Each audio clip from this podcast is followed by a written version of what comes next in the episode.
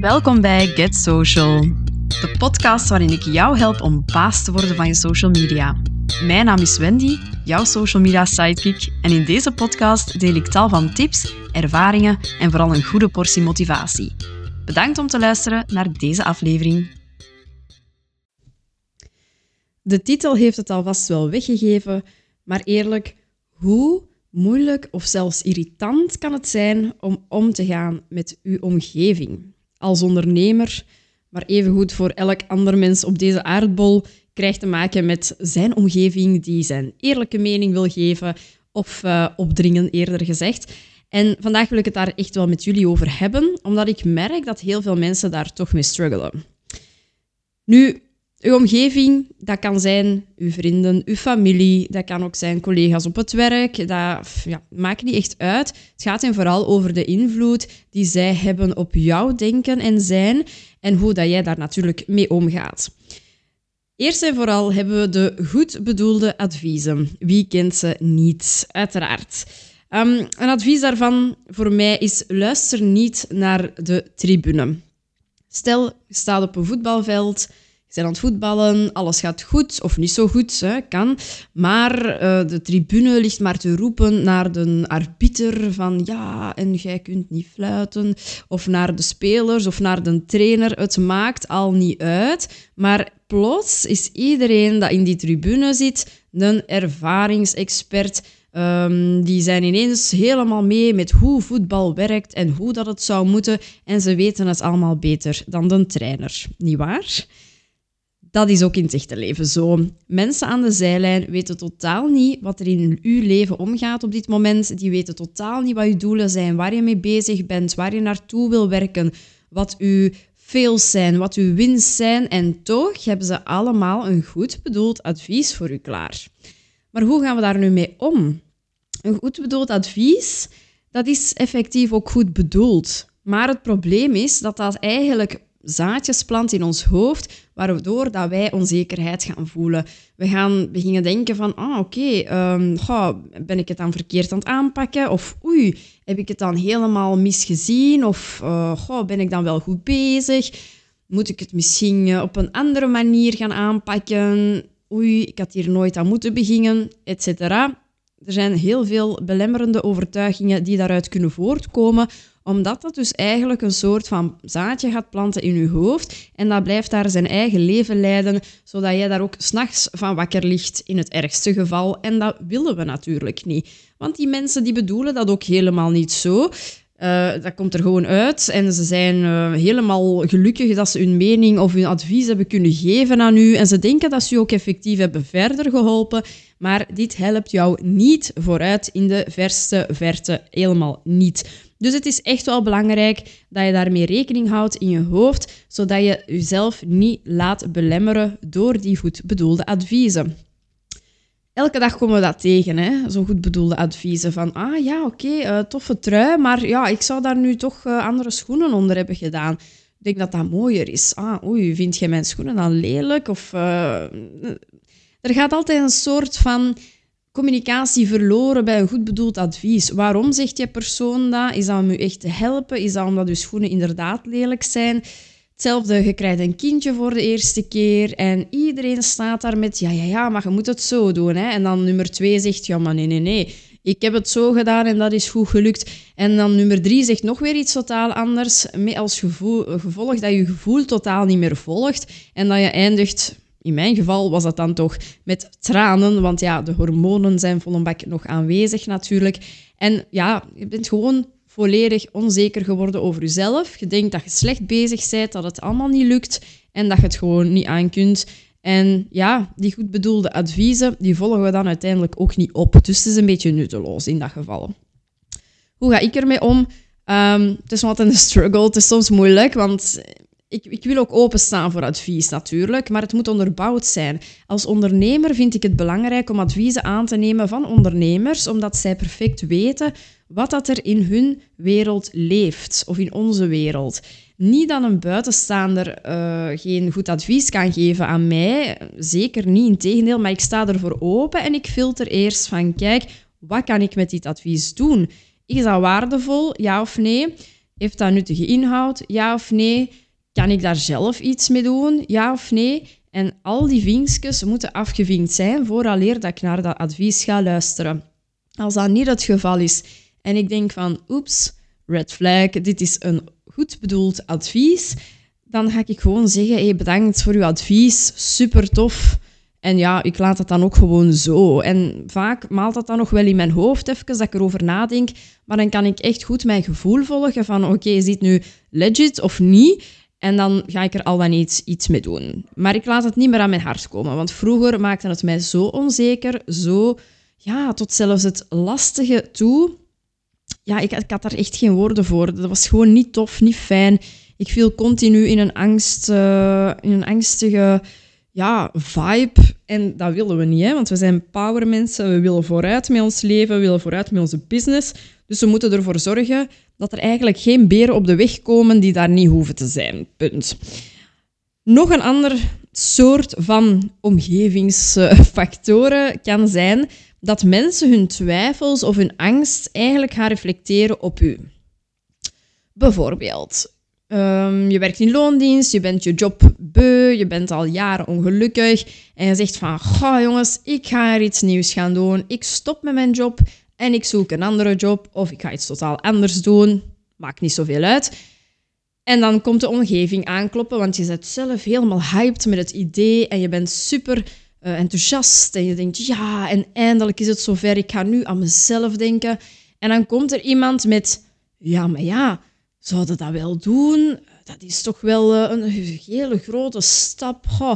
ja, hè, en financieel gaat dat dan wel lukken. En ja, je kent, hè, dat is totaal een andere job. Ja, je zit dat dan niet gewend, dat gaat tegenvallen. En ja, uw vibe, die dan net zo hoog was, die is gekelderd ja, tot in min 10 ergens. Uh, als die verder is natuurlijk. En dan gaat dat zaadje weer in je hoofd beginnen groeien van, hm, ja, dat is eigenlijk wel waar, ga ik dat wel doen financieel? Want nu zit ik in mijn comfortzone en oké, ik haat mijn job of ik doe het echt niet graag. Elke dag met tegengoesting naar mijn werk gaan. En ja, hoe zou het zijn als ik dat anders zou kunnen aanpakken? Ja, daar komt nu een eerste hype weer, hè, van oh ja, ik wil het anders, ik wil dat niet meer en ik wil daarmee stoppen. Maar dan komen die zaadjes weer van je omgeving die die geplant hebben. Jij hebt die zelf niet geplant natuurlijk. Maar ja, die groeien wel in je hoofd en jij moet ze wel water geven. Als je ze water geeft met verder zaaien van angst, twijfel, um, ja, zelfs uitvluchten gaan zoeken om eigenlijk niet die, die, die hype terug te laten komen, ja, dan, dan ga je er ook niet mee voortgaan. En dan gaat eigenlijk die angst of die twijfel u belemmeren om toch die stap te nemen, waar dat je dan weer vertrokken bent om zeven jaar op je stoel te blijven zitten en ongelukkig te zijn over je leven en elke dag denken, oh, ik doe dit niet graag. Een grotere energy drainer kan er echt niet zijn in mijn ogen. Dus alsjeblieft, als mensen hun eigen angst gaan reflecteren, want dat is hun eigen angst, hè, dat heeft niks met u te maken, want zij kennen uw financiën niet. Zij weten niet hoe dat jij er financieel voor staat. Zij weten niet of dat jij al een voorkennis hebt van die nieuwe job dat je wilt doen. Misschien heb je die ook helemaal niet en wilt je gaan omscholen. Ja, super hè. Kei gemotiveerd, wil je eraan beginnen. En je gaat daar echt je hart en ziel in geven, omdat je net uit deze benarde situatie wilt breken, die ook je comfortzone is, maar je bent eindelijk klaar om uit je gouden kooi te springen.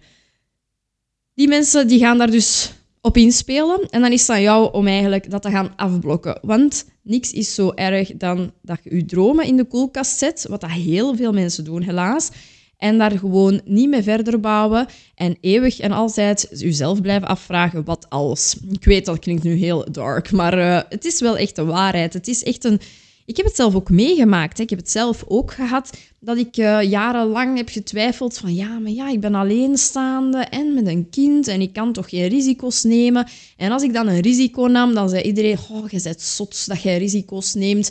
Er waren er zeker enkelen, en shout-out naar jullie, die, mij dan toch wel aan de zijlijn hebben staan aanmoedigen van go Wendy, je kan het. Maar er waren echt heel veel mensen die zoiets hadden van... Allee, kind, wat ga jij nu doen? Dat is totaal uh, gek gewerkt wat je nu gaat doen. En dat is echt gewoon niet slim. Je hebt daar niet over nagedacht en je bent impulsief. Ja, niet waar. Hè? Ik heb daar heel lang over nagedacht en ik heb mijn moed ook moeten verzamelen om die stap te kunnen zetten. En ik heb hem dan uiteindelijk genomen en ik heb dat echt totaal afgeblokt. Iedereen die mij heeft gezegd van, oh Wendy, jij bent toch een beetje hè, aan de enthousiaste kant misschien, eh, zouden dat nog eens niet overwegen, zouden dat wel doen, al die onzekerheid, bla bla bla, tijden van crisis, nog zo'n belangrijke crisis of niet, we moeten allemaal leven, toch? Je kunt beter als je niks te verliezen hebt, kun je beter in het diepe springen, want dan kunnen er hele mooie dingen uit voortkomen als dat je gewoon blijft afwachten, want het komt nooit, maar dan ook nooit in je schoot geworpen. Dus ga niet in defensie met die mensen. Zeg niet van, um, ja, zeg, hè, vind jij dat ik niet goed genoeg ben? Of ja, wat denkt jij hè, dat ik dat niet kan of zo? Want dat gaat u eigenlijk ook weer in een negatieve spiraal brengen. Want onderbewust ga je daar dan toch ook zelf van overtuigd worden dat je dat effectief ook niet kan. En dat is niet wat je wil natuurlijk, want je wil er net wel voor gaan. Maar het beste is gewoon om, om dat zo te laten, want anders komt daar een eindeloze discussie uit dat mensen u eigenlijk tegenargumenten gaan geven waarom dat je het niet moet gaan doen. En ja, dat gaat u gewoon tegenhouden. Even een kantlijn hierin. Het kan wel hulpvol zijn, maar dan echt met iemand met een positieve, kritische noot. Om een keer te vragen van oké, geef mij nu eens wat redenen waarom dat ik het niet zou doen. Om echt zo die laatste, maar dat is eerder als je zelf nog twijfelt, om echt zo die laatste ja, schop onder je gat uh, nog te krijgen. Zodat je echt zeker kunt zijn van je beslissing dat die 100% resoneert en dat die 100% correct is. Maar verder dan dat hoefde daar dus niks mee te doen. Dus zeg gewoon tegen die mensen van... ja, ik vind het spijtig dat je daar zo over denkt. Hè? Dat je denkt dat, dat, ja, dat jij in zo'n situatie het financieel niet zou aankunnen.